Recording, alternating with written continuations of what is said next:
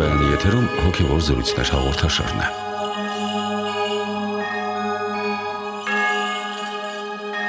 Ողջույն սիրելի ունկնդիրներ, այս հաղորդումը նվիրել ենք ստախոսության եւ ստի բնույթի քննարկմանը։ Մեր զրուցակիցն է Տեր Գրիգոր Քահանա Հովանեսյանը։ Օրնեցեք Տեր։ Աստված օրհնի։ Սուտ վկայություն միտուր Տասնաբանյայի պատվիրանի մեջ արդեն արգելվում է զրպարտությունը, չարախոսությունը, ուրիշին վարկաբեկելը, որևէ մեկին նվաստացնելը, անվանարկելը, նենգամտությունը, բամբասանքը, կեղծիքը եւ ստի շատ ու բազմապիսի դրսևորումներ։ Այնպես որ հասկանալի է, եթե Տասնաբանյայի մեջ է այս պատվյանը, որքան մեծ դեր ու նշանակություն ունի մեր կյանքում սուտը եւ դրան հակառակ ճշմարտությունը, որ երևում է մարդկանց խոսքերում ու արարքներում ցավոք սրտի սուտը այսօր համատարած բնույթ հակրում աշխարի մեջ եւ որտեղից եկավ որտեղից սկսվեց ի սկզբանե առաջի մեղքը որ գործվեց Եդեմի դրախտում ստով էր պայմանավորված սուտ կար դրա մեջ երբ սատանան մարդուն գայթակղում էր աստծո խոսքը նենգա փոխեց սուտ խոսեց, ասեց չեք մեռնի, Աստված ասել էր կմեռնեք, Սատանան ասաց չեք մեռնի, այսինքն ստեց։ Այսօր գիրքն ասում է, որ ստի սկզբնապատճառը, ստի հայրը Սատանան է։ Բանսարկուն է ստի հայրը։ Եվ բանսարկու բառը հենց ինչ է նշանակում։ Ստել։ Մի բան սարքել, որը ճիշտ չի։ Այսինքն սուտը դարձնել իրականություն։ Եվ այսօր որ նայում ենք ինչքան է տիրում սուտ աշխարհի մեջ թե համաշխարային մակարդակով թե հասարակական մակարդակով եւ թե անհատական մակարդակով այսօր անընդհատ սուտ է անընդհատ սուտ է հեղվում եւ նույնիսկ այդ սուտը երբեմն փորձում են որպես զուտ ճշմարտություն ներկայացնել ստի եւ ճշմարտության մասին խոսելիս ես երբեք չեմ կարողանում մոռանալ մի հանգամանք Մենք նախկինում ապրում էինք մի երկրում, որ կոչվում էր Խորթային Միություն։ Խորթային Միությունը իր գաղափարախոսության առումով, իր սկզբունքի առումով ստի վրա հիմնված էր որտեղ իրենց հիմնական գաղափարախոսությունը Աստված չկան էր, որ ամենամեծ սուտն աշխարհում բայց իրենք իրենց գաղափարախոսությունը ամբողջ աշխարհին ներկայացնում էին որպես բացարձակ ճշմարտություն իրենց գլխավոր գաղափարախոսը մի թերթ էր որի անունն էր ճշմարտություն, պրավդա։ Այդ երկրի գլխավոր թերթը իր ամբողջ պատմության ընթացքում պրավդա, այսինքն ճշմարտություն, եւ որի միջոցով իրենք սուտ էին մատակարարում աշխարհին, այսինքն մի տեսակ ավետարանական գառան մորթով գայլեր էին եւ այդ բանը միայն հատուկ չի խորթային միությանը, որ այսօր գոյություն ունի։ Այսօր ամբողջ աշխարհին հատուկ։ Մենք ինքներս տեսնում ենք, թե սուտ այսօր ոնց աշխարի մեջ կանգնած, թե ոնց են պետական հարաբերությունները, միջպետական հարաբերությունները, պետության ներսում մարդկային հարաբերություն ամենից ստի վրա կառուցվում։ Սուտ ընդհանրապես Աստծո падգամի, Աստծո խոսքի հակառակությունն է, հակառակվելն է։ Այն ինչ որ Աստված ասեց, դրա հակառակ ամենից սուտ է։ Զրուցում էինք այսօր մեր հավատացյալներից մեկի հետ, ասում է Եղիշե վարդապետն ասում էր Քրիստոս Աստված 6 օրում աշխարհը արարեց 6000 տարի է մարդիկ չեն հավատում այդ Աստծուն որը 6 օրում աշխարհը արարել է այսինքն ստին են հավատում ճշմարտությունը մերժել են մարդը եթե հավատար Աստծուն եթե մարդը ստի հետևից այսօր չգնար աշխարհը այս վիճակում չէր լինի աշխարհը երկնքի արքայության մի պատկեր կլներ Հասկանալի է, որ սուտը մատուցվելու եւ որպես խայծ կուլ գնալու համար պետք է ինչ-որ ձևով պատճուճվի, ինչ-որ քաղցր պատյանի մեջ բարփակվի, որովհետեւ եթե մարդը գիտակցում է, որ իրեն խափում են, իրեն բացայց սուտ են ասում, չի հավատա։ Այո։ Այդ առումով ճշմարտանման սուտը կամ մասնակի ճշմարտությունը, որը ծառայեցում է ստին, շատ ավելի վտանգավոր է։ Մենք սատանային անվանում ենք ստախոս եւ ստի հայր, եւ նրա մեջ ճշմարտություն չկա, նա իր բնույթով հենց հակառակ է ճշմարտությանը, բայց սատանան է շատ լավ թիրապետում է այդ հնարքին ճշմարտանման ստեր մարդկանց կործանելու համար փչելու։ Եթե հիշենք Շեքսպիրի Մակբեթը, ում վհուկները կանխագուշակում են անում, որ ինչ որ կոչում կստանա, հետո էլ թակավոր կդառնա, Բանկոն, Մակբեթի մտերիմ ընկերը իրեն ասում է զգուշացիր, չարքերը մեզ շատ հաճախ ճշմարտություն են սկզբից ասում, որ հետո մենք ավելի խորը թաղվենք նրանց ստի մեջ։ Եվ իրականում հենց ստի գործողության մեխանիզմներից ամենատարածվածը հենց այդպիսի սուտն է, ճշմարտանման սուտն է։ Եվ այստեղ շատ հաճախ մարդը դժվարան մազանազանել իրարից. Որն է ճշմարտությունը, որն է ճշմարտանման սուտը կամ ճշմարտության քողով պատված սուտ, այսպես ասեմ։ Եվ նույն բանը կա նաև ճարի հանդեպ, որն է ճշմարիտ ճարը, որն է բարու պաճուճանքով կամ բարու կերպարանքով ներկայացվող ճարը։ Եվ Գրիգոր Տաթևացին ասում է, այստեղ շատ կարևոր է, որpիսի մարդը կարողանա զանազանել, որ մարդու միտքը լուսավորված լինի շնորական լույսով, այսինքն աստվածային շնորի լույսով լուսավորված լինի, այլապես բանական միտքը դժվար է տարբերակում ճշմարտությունը ճշմարտանման ստից դժվար է մարդուն եթե մարդը Աստծո շնորհական լույսով լուսավորված չի, այսինքն բանական միտքը չի կարող տարբերակել, որովհետև ստեղ խնդիրը դրամաբանության խնդիր չի, խնդիրը հոգևոր ոլորտին է վերաբերվում, իսկ հոգևոր ոլորտում, որpիսի մարդը կարողանա ճիշտ կողնորոշվել, պիտի Աստվածային շնորհով լուսավորված լինի իր միտքը, պիտի ինքը կարողանա այդ շնորհին հաղորդ լինել, իսկ այդ ինչպես է տրվում մարդուն հոգևոր կյանք ապրելով աղոթքով, սուրբ գիրք ընթերցելով, խոկալով, եկեղեցու սուրբ հայրերի ուսուցումները սովորելով, Աստծուց խնդրելով այդ շնորը, որպիսի Աստված մեր առաջ բացի, այլապես Ադամ որ Ադամներ ստին տրվեց, մենք ով ենք որ կարողանանք այդ ստին հաղթարել, եթե Աստծո մեջ չմնանք, եթե Աստծուց չհեռանանք մի պահ Շատ հաճախ գիտենք, որ խնդիրը ոչ միայն զանազանել չկարողանալն է սուտ ու ճշմարտությունը, այլ շատ հաճախ մարդիկ իրենք իրենց հանգստացնում են, ընտրում են ավելի հեշտ տարբերակը, ավելի ականջալուր, քաղցր տարբերակը։ Գիտենք, որ շրջանառության մեջ են նման եզրերը՝ քաղցր սուտ, ջերմակ սուտ, սուտ ցավ չպատճառելու համար, սուտ հանուն սիրո նույնիսկ եւ շատ այլ պատճառաբանություններ ցավոք սրտի այս բաները կա եւ ինչպես շատ ու շատ մեղքեր սուտն էլ փորձում են մի տեսակ արդարացնել կամ լեգիտիմացնել, հա, նման որակումներով կամ նման բաներ բերելով։ Մինչդեռ մենք որpիսի շատ հստակ կարողանանք բանանել, ամեն ինչի մեջ ուրիշ բան պիտի տեսնենք։ Այդ ամեն ինչը տանում է մարդուն փրկության, տանում է մարդուն դեպի Աստված, թե հեռացնում Աստծուց։ Այդ քաղցր սուտը, այդ ջերմակ սուտը, մարդուն մոտեցնում Աստծուն, թե հեռացնում Աստծուց։ Ցավոք սրտի այսօր աշխարհում քիչ են մարդիկ, որոնք այս չափանիշներով են նայում։ Մարդիկ նայում են աշխարհի առօրյական կենցաղային չափանիշներով։ Դե լավ, ինչա մի փոքր սուտեր, բայց գիտես, մարդը հանգիստ է։ Է մարդը հանգիստ է, բայց մարդը մահանում է։ Դու իրեն չես ասում, որ ինքը մահանում է դու իրան սուտ ես մատուցում, դու իրան ասում ես լավ կլինի, լավ կլինի, լավ կլինի, բայց այդ մարդը գնում է դեպի մահ, դեպի մահ, դեպի մահ։ Բայց ասես որ եղբայր մահանում ես, մի հատ սթափվիր, մի հատ մտածիր, վաղ Աստծո առաջ ես կանգնելու։ Իմ պրակտիկայում ինչքան հանդիպել է, ես միշտ մարդկանց խորհուրդ եմ տալիս, որ ասում եմ ով է լավ եկեք ճշմարտություն ասենք եթե մարդուն մնացել է մի քանի օր ապրելու, իհարկե մենք չգիտենք Աստված գիտի քանի օր է մնացել, բայց եթե բժիշկները հույս չեն տալիս, այդ մարդը իմանա, որ բժշկությունը այլևս անզոր է իրան օգնելու, որ այդ մարդը մտածի լուրջ բաների մասին։ Այդ մարդուն գլխի տակ փափուկ բարդ չդնենք ու հանկարծ Պարզվի, որ այդ մարդը այլևս չկա ու ինքը չիմացավ այդ մասին։ Մարդը պիտի իմանա իրան ինչա սպասում որpիսի մարդը պատրաստվի դրան, որpիսի մարդը ասի մեղա Աստծո, որpիսի մարդը ասի ներեք ինձ իմ սխալների համար։ Եթե մարդ չգիտի այդ ամեն ինչին չի պատրաստվում, անակնկալ մահը վրա է հասնում։ Ես ուր տարը, այնտեղ որտեղ փորձում են արդարացնել այդ սուտը, բա ոնց մարդուն ասենք, մարդը վատ վիճակի մեջ կընկնի, մարդ հույսը կկորցնի։ Սին հույսը ինչ ավելի լավ է։ Մարդ հույսը պիտի դնի Աստծո վրա, մարդ հույսը պիտի դնի հավիտենական կյանքի, երկնքի արքայության, մեռելների հարության վրա, ոչ թե սուտ խապկանքային բաների վրա, որոնք մարդուն չեն օգնելու, ընդհակառակը վնասելու են։ Դառը ճշմարտությունը շատ ժամանակ հաղորդելը ճիշտ է ցավալի է, բայց ավելի արդյունավետ է, որովհետև ծածկվել ստով փախչելով ճշմարտությունից դա նման է խլուրդի պահվածքին, ով լույսից փախչում է եւ երկրի ընդերքն է խորանում։ Բայց ինչպես Հովանու ավետարանն է ասում,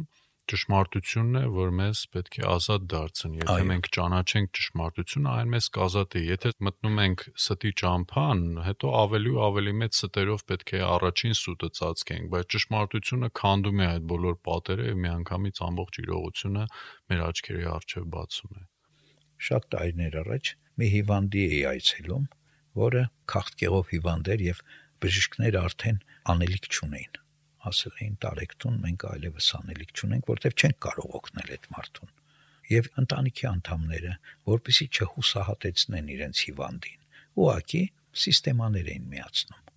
Անօգուտ սիստեմաներ, որը ոչինչով պիտի չօգներ։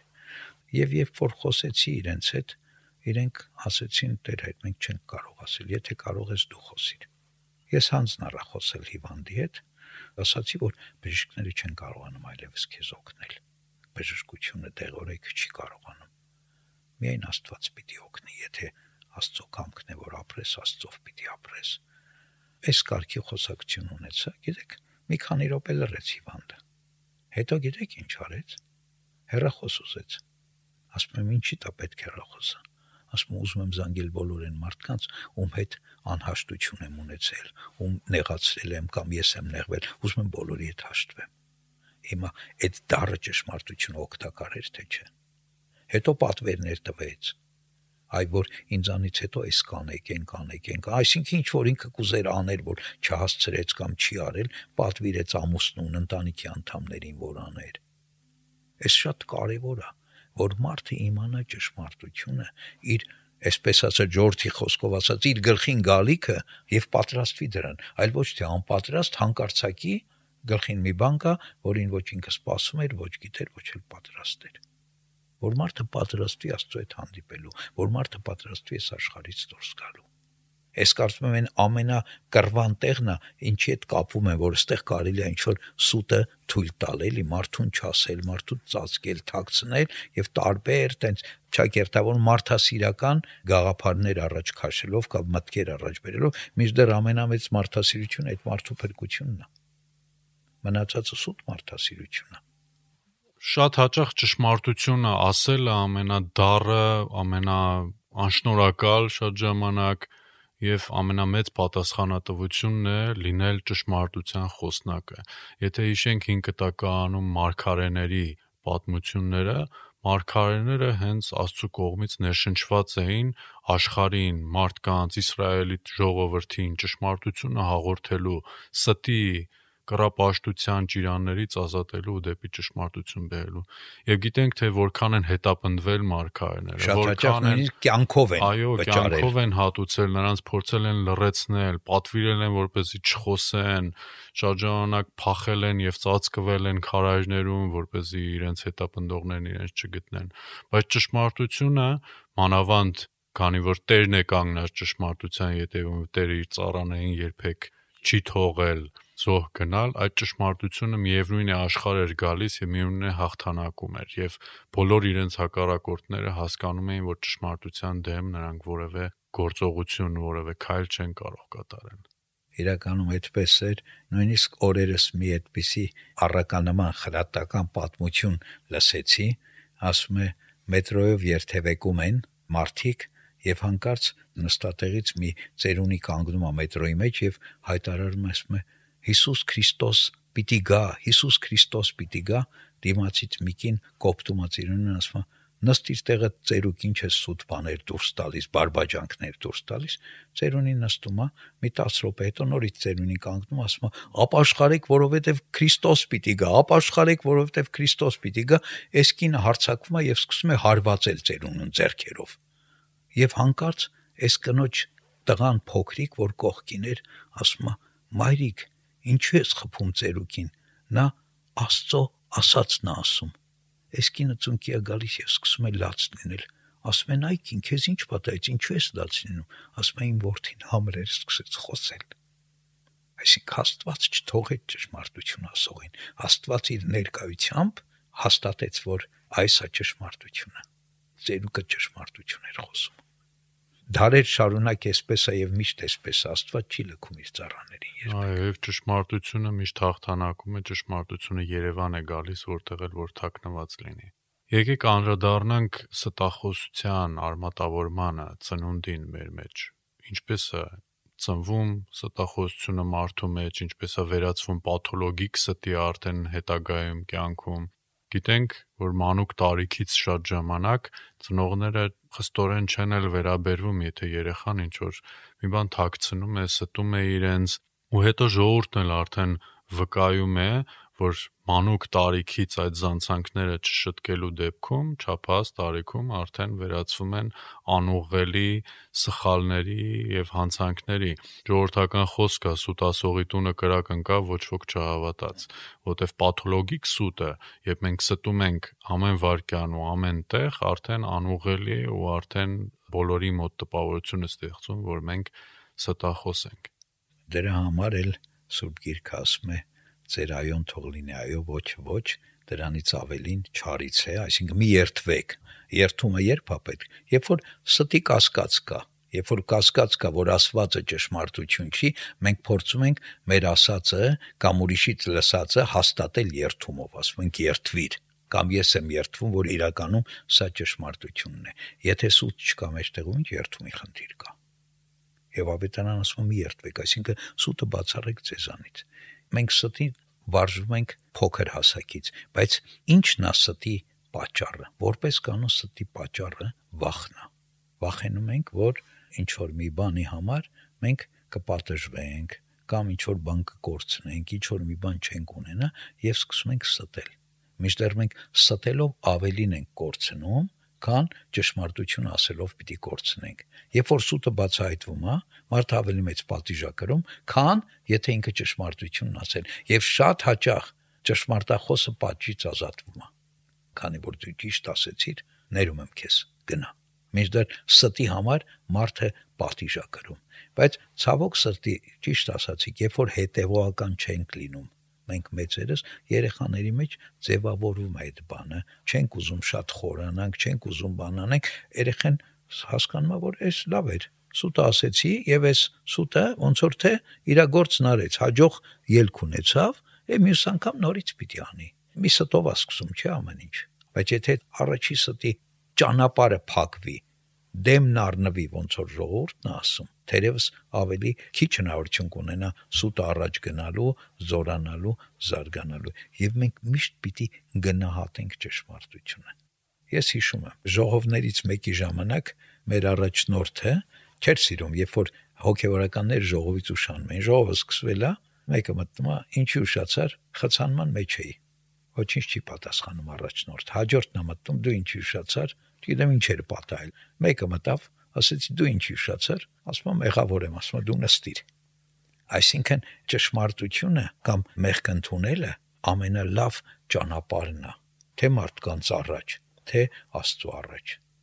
Ով կուզի որ ինքը խապված լինի։ Եթե մարդը նույնիսկ ի վնաս իրեն ճշմարտությունն ասում, դիմացինը ընկալումով է մոտենում։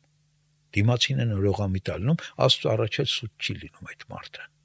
Հասկանում ենք, որ եւ ստախոսությունը եւ ճշմարտախոսությունը դրանք վարժության արդյունք են։ Դրա համար սաղմոսներում եւ իմաստության գրքերում հաճախ է հանդիպում այդ պատկերավորում, ասում է՝ մի վարժեցրու լեզուդ եւ շուրթերդ ստախոսության, որովհետեւ դա կուսության պես մի բան է, եթե շուրթերդ, եթե լեզուտ արդեն մեկ անգամ, մի քանի անգամ դրանից հետո կրկնեցին սուտը, նրանց համար արդեն սուտ արտաբերելը շատ հեշտ բան կլինի ու դրա համար էլ Սաղմոսներում Դավիթ թագավորը խնդրում է Տիրոջը, որպեսզի պահապան դնի իր բերանին եւ ամուր դուր իմ շրթներին, որպեսզի սուտ չասեմ։ Իրականում մեղքերի մի ստվար մասը պայմանավորված է սովորույթով, վարժվելով Դրա համար Սուրբ Գրիգոր Տաթևացին իր քարոզներից մեկին բումբարի կենթանի մասին քարոզում է արտահայտություն անում։ Ասում է մեղքը 3 արմատ ունի կամ 3 պատճառ ունի։ Առաջին ասում է չար ունակություն, այսինքն մեր մեջ եղած որոշակի հակվածությունը, որոշակի մեղքեր, մեկ ավելի բարկության հակված, մյուսը խառնվածքով, մյուսը ծուլության, մյուսը թեթևամտության, հաջորդը ասում է չար սովորույթները Այսինքն մարդը կամած-կամած սովորույթյուսով ձերքաբերել այդ մեղքայթուն նաև ստախոսությունը։ Եվ հաջորդ ասում է տգիտությունը, այսինքն մարդը տգետ լինելով մեղքա գործում։ չիմանալով խրատված, դաստիարակված չլինով աստվածային պատվիրանով, սուրբ հայրերի կամ եկեղեցու կանոններով մեղքի մեջ է։ Այս սովորույթը շատ մեծ ուժ ունի։ Եվ ասում է, որpիսի մարդ այդ սովորույթը հաղթահարի, պիտի մարդը միջավայր փոխի։ Պիտի մարդը իրավիճակը փոխի։ Այսինքն, եթե մարդը սովորա ստի եւ այդ միջավայրում սուտը տեղի ունի, պիտի մարդը փորձի այդ միջավայրից խուսափի այդ ընկերակցությունից, չար ընկերակցությունից, ստի միջավայրից խուսափի եւ փորձի այնպիսի մի միջավայրում իրեն գտնել, դրսևորել, որտեղ սուտը ավելի պակաս է կամ եթե իսպար չկա, շատ ավելի լավ։ Երեք մարդը հակված է միջավայրից ազդվելու եւ սովորելու։ Երբեմն տղաները հայտնվելով այնպիսի միջավայրում, որտեղ հեշոտ հայոյանքներ, սովորական խոսակցության ձև ադարել հայոյելը, մարդը որ չէր հայոյում, զգում է սկսել արդեն իր բառապաշարի մեջ հայոյանք օգտագործել։ Երբ որ միջավայրը փոխում է, ուրիշ միջավայրում այդում։ Տեսնում ես որ մաքրվեց իր լեզուն, իր խոսքը մաքրվեց։ Այսինքն այս սովորույթը շատ ազդու է մեզ համար, դրա համար մենք պիտի այս ամեն ինչին հաշվի առնենք։ Մենք փորձենք սովորույթը վերացնել մեզանից բոլոր չար սովորույթները, այդ թվում նաև ստի, որովհետև ստի համար շատ խիստ ասված ասում ստախոսները երկնքի արքայություն չեն մտնի։ Այնպես ինչպես պորնիկները, կռապաշտները եւ այլն եւ այլն եւ այլն, մեզ թվում է թե սուտի ինչ մեղ կա, որ սուտը մի թեթև մեղ կա, բայց ստով երկրներ են կործանվել։ Ստով մարդկային կյանքեր են խորտակվել։ Ստով ընտանիքներ են քանդվել այնքան էլ անմեղ բան չի սուտը, որ մենք այդպես մտածում ենք։ Եթե հարցն անգմես, թե որտեղ է ծնվում սուտը, նախ ասացինք, որ լեզվի վրա էլ կարող է ծնվել սուտը, եւ մարդ սովոր է ստին իր համար սուտ ասելը կարող է ոչինչ չարժենալ, նույնիսկ աննպատակ սուտ կարող է ասել։ Ծնվում է սուտը նաեւ մեր մտքում, եթե մեր խորհուրդները անվայել են, մենք ինչ որ այլ նպատակներ ունենք, փորձում ենք ինչ որ շահ այդ ստով ստանալ, այդ կարող է պատճառ լինել։ Նաեւ մեր սրտում մեր խորհուրդները, եթե անմաքուր են, Աստվածաշունչը շատ հաճախ սիրտը եւ երիկամներն է համարում այդ խորհուրդների կենտրոնավայրը, որ այնտեղ են դրանք ծնվում, եթե մենք սուտ ենք ասում ինչ որ մեկին վարկաբեկելու, մեկին վնասելու, ինչ որ չար խորհուրդ իրագործելու համար, եւ Աստվածաշունչն ասում է Աստված սրտեր ու երիկամներ քնողն է, գիտե մեր բոլոր խորհուրդներն ու խոսքերը եւ լեզուն է ամենից փոքր մարմնի մասը լինելով մեծ-մեծ բաներ է բարբառում եւ կարող է կործանել մարդուն։ Այսինքն մեր ողջ զգայարանները, մեր խորհուրդները, մեր սիրտը պետք է քննենք, որ เป զի մեր բերանից այդ խոսքերը դուրս չգան, այդ ստի խոսքերը դուրս չգան եւ մեզ համար դատապարտություն չդառնան։ Ձեր ասածով հիշեցի Աստվածաշնչյան մի միտք, որ ասում է. ով որ կասի ես մեղավոր չեմ, ինքն իրեն է խափում։ Ոչ մարդկանց կարող է խափել, ոչ էլ Աստծուն։ Այսինքն սուտը եւ ամենամեծ սուտը որն է, որ մարդ ասում է ես մեղավոր չեմ։ Այսինքն մարդ չի ընկալում, չի հասկանում իր մեղավոր լինելը, բայց չի նշանակում, որ դու մեղավոր ես։ Աստված գիտի, որ դու մեղավոր ես։ Աստված գիտի, որ դու ստում ես։ Մարդիկ էլ գիտեն, ոչ մարդկանց կարող ես դրանով խափել քո մեղավոր լինելը ծածկել, ոչ էլ Աստծոց։ Ուրիշ բան, եթե դու դեռ չգիտես, որ մեղավոր ես, ուրեմն դու չես տեսնում, քո միտքդ, քո սիրտը դեռ լուսավորված չի Աստծով, որ տեսնես քո մեղավոր վիճակը եւ ոչ թե ասես ես մեղավոր չեմ, այլ ասես մեղա Աստծո, ես մեղավոր եմ։ Ես մեղավորների գլուխն եմ, առաքյալի պես։ Մենք պիտի ուշադիր լինենք։ Ասմա, արագ եղեք լսելու մեջ, դանդաղ եղեք խոսելու մեջ։ Մենք խոսելուց առաջ շատ լավ կլինի, եթե կարողանանք միշտ կշռադատել, քննադատել մեր խոսքը, մտածել, հայ հիմա ես պատասխան պիտի տամ, ինչ եմ ասելու։ Անենց պատասխան եմ տալու, որ հետո մի վարքյան հետո զղջամ իմ ասացի համար, թե ինչի մեղ գործեցի, ինչի սուտ խոսեցի, ինչի ճշմարտությունը չասեցի, թե մի պատասխան եմ տալու, որին թերև կարող է այդ պայն ինձ հարմար չլինի այդ պատասխանը։ Այդ պայն ես մի քիչ ված զգամ, բայց հետո խիղճս հանգիստ առնելու, որովհետև ես ճշմարտությունն եմ ասել։ Ես ստից հրաժարվեցի։ Այս շատ կարևոր է։ Սուտը միևնույնն է մեզ տանջելու է։ Նույնիսկ եթե այդ դրվագը անցավ, այդ միջադեպը կարծեք թե այսպես ճակերտավոր այդ ստով հարթվեց անցավ գնաց, միևնույն այդ սուտը մեզ տանջելու է։ Եվ մենք չենք կարողանալու հետո այդ հեշտությամբ մարսել։ Էլ չասեմ, որ որպես մեղք մեր մեղքերի բեռի վրա այդ սուտը նորից ավելացավ եւ մեր մեղքերի բեռը ավելի ծանրացրեց։ Հակոբոս Առաքյալն ասում է, եթե մեկը խոսքով չի մեղանչում, ուրեմն կատարյալ մարդ է, ունակ սանձահարելու իր ողջ մարմինը եւ գիտենք, որ շատերը դարձի ճանապարհը բռնելով կամ ովքեր որ ցանկացել են մաքրագործվել մեղքից, հենց լռությունն են իբրև գործիք կիրառել, որպեսզի զսպեն նախ իրենց լեզուն։ Վանքերում են եղել երկար լռության ժամեր, վանականներ ու ճգնավորներ են եղել, ովքեր տարիներով լռության ուխտ են կատարել եւ պահել են, եւ դա իրոք մաքրում է ոչ միայն այն, ինչ որ դուրս է գալիս մեր բերանից, այլ մեր ներաշխարը, մեր ողջ միտքը ու հոգին այդպիսի մի ուսուցողական պատմություն կա։ Ասում եմ մի մարդ հիվանդության պատճառով ինչ որ մի ժամանակ զրկվել էր խոսելու կարողությունից, չէր կարողանում խոսել եւ ինչպես էր իր ընտանիքի անդամների եւ ընդհանրապես շրջակա մարդկանց հետ հարաբերվում։ Եթե ինչ որ մի բան էր ուզում ասել, սուլիչով սուլում էր, մոտենում էին իրեն եւ ինքը թղթի վրա գրում էր ինչ որ պիտի ասի։ Եվ հետո այդ մարդը վկայում է, որ ես թղթերի մեծ մասը որոնք գրեցի, պատրեցի չհանձնեցի մարդկանց։ Միշտեր եթե մարդը խոսում է, անմիջապես արտահայտվում է, բայց երբ որ դու գրում ես, դու մտածում ես արդյոք արժի ասել, թե չարժել։ Այդ գրելու մի քանի վարքյանը արդեն քեզ խորհելու, մտածելու առիթ հանդիսանում եւ ասում է, այդ թղթերի ավելի մեծ մասը պատրել եմ, քան թե հանձնել եմ մարդկանց։ Այսինքն, ինչքան մենք ավելորդ բաներ կարող ենք ասել Սուրբ գրքում նաև մի ուրիշ տեղ առաքյալն ասում է մեր բերանից դուրս եկած բոլոր դատարկ խոսքերի համար մենք պիտի պատասխան տանք Աստծուն։ Երանի նրան, ով դատարկ խոսքեր իր բերանից չի անում, ով իր խոսքերը կշռադատված է ասում, ով մտածում անորա խոսում, ով փորձում է խոսքով լեզվով չմեղանչել։ Այո, այդպիսի արտահայտություն կա, որ խոսքը թրջնակ է, եթե դուրս բրծավ բերանից, այլևս ետ չես դարձնի։ Մեկ այլ օրինակ էլ կա նոր կտակարանում գործ կառաքելոցում, երբ գիտենք շատերը նոր ծնվող եկեղեցուն բերում էին իրենց ունեցվածքն էին նվիրում, այնտեղ մի դրվագ կա, որ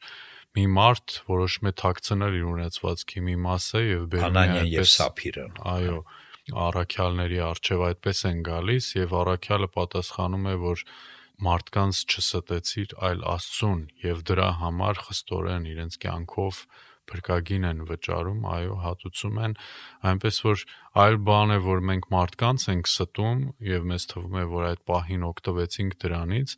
բայց Աստծուն ստելը դա իրապես մեծ հանցանք է, որովհետեւ նախ Աստված գիտի այդ ամեն ինչը, դու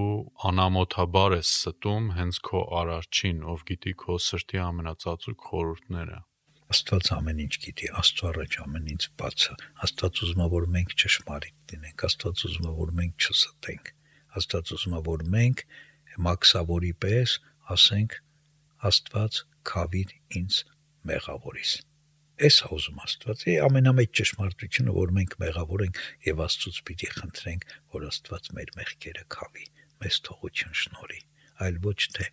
սուտ բաներով փորձենք Աստծո աչքին կամ մարդկանց աչքին կամ աշխարհի մեջ արդարանալ։ Նա ով ինքն իրեն արդարացնում է, պիտի դատապարտվի։ Նա ով ինքն իրեն դատապարտում է, մեղադրում է, Աստծո դատաստանի ժամանակ պիտի արդարանա։ Շնորհակալ եմ զրույցի համար, Տեր հայր։ Հիշենք, որ ինչպես Աստվածաշնչյան ավետարանական առակում, քանի դեռ ճանապարհին ենք, քանի դեռ դատաստանի առջև չեք կանգնել, մեր ոսոխի հետ, մեր մեղքերի հետ պետք է հաշվի նստենք, ապաշխարենք դրանց համար, ինչպես որ Մատթեոսի ավետարանում է ասված, մեր խոսքերով է, որ պիտի արդարանանք եւ մեր խոսքերով է, որ պետք է դատապարտվենք, այնպես որ հաշիվ տանք մեզ մեր բերանից հնչող խոսքերի համար, մաքրենք մեր խոսքը, մեր խորհուրդները ստից ու կեղծիկից եւ դառնանք դեպի ճշմարտությունը։ Մնացեք խաղաղությամբ։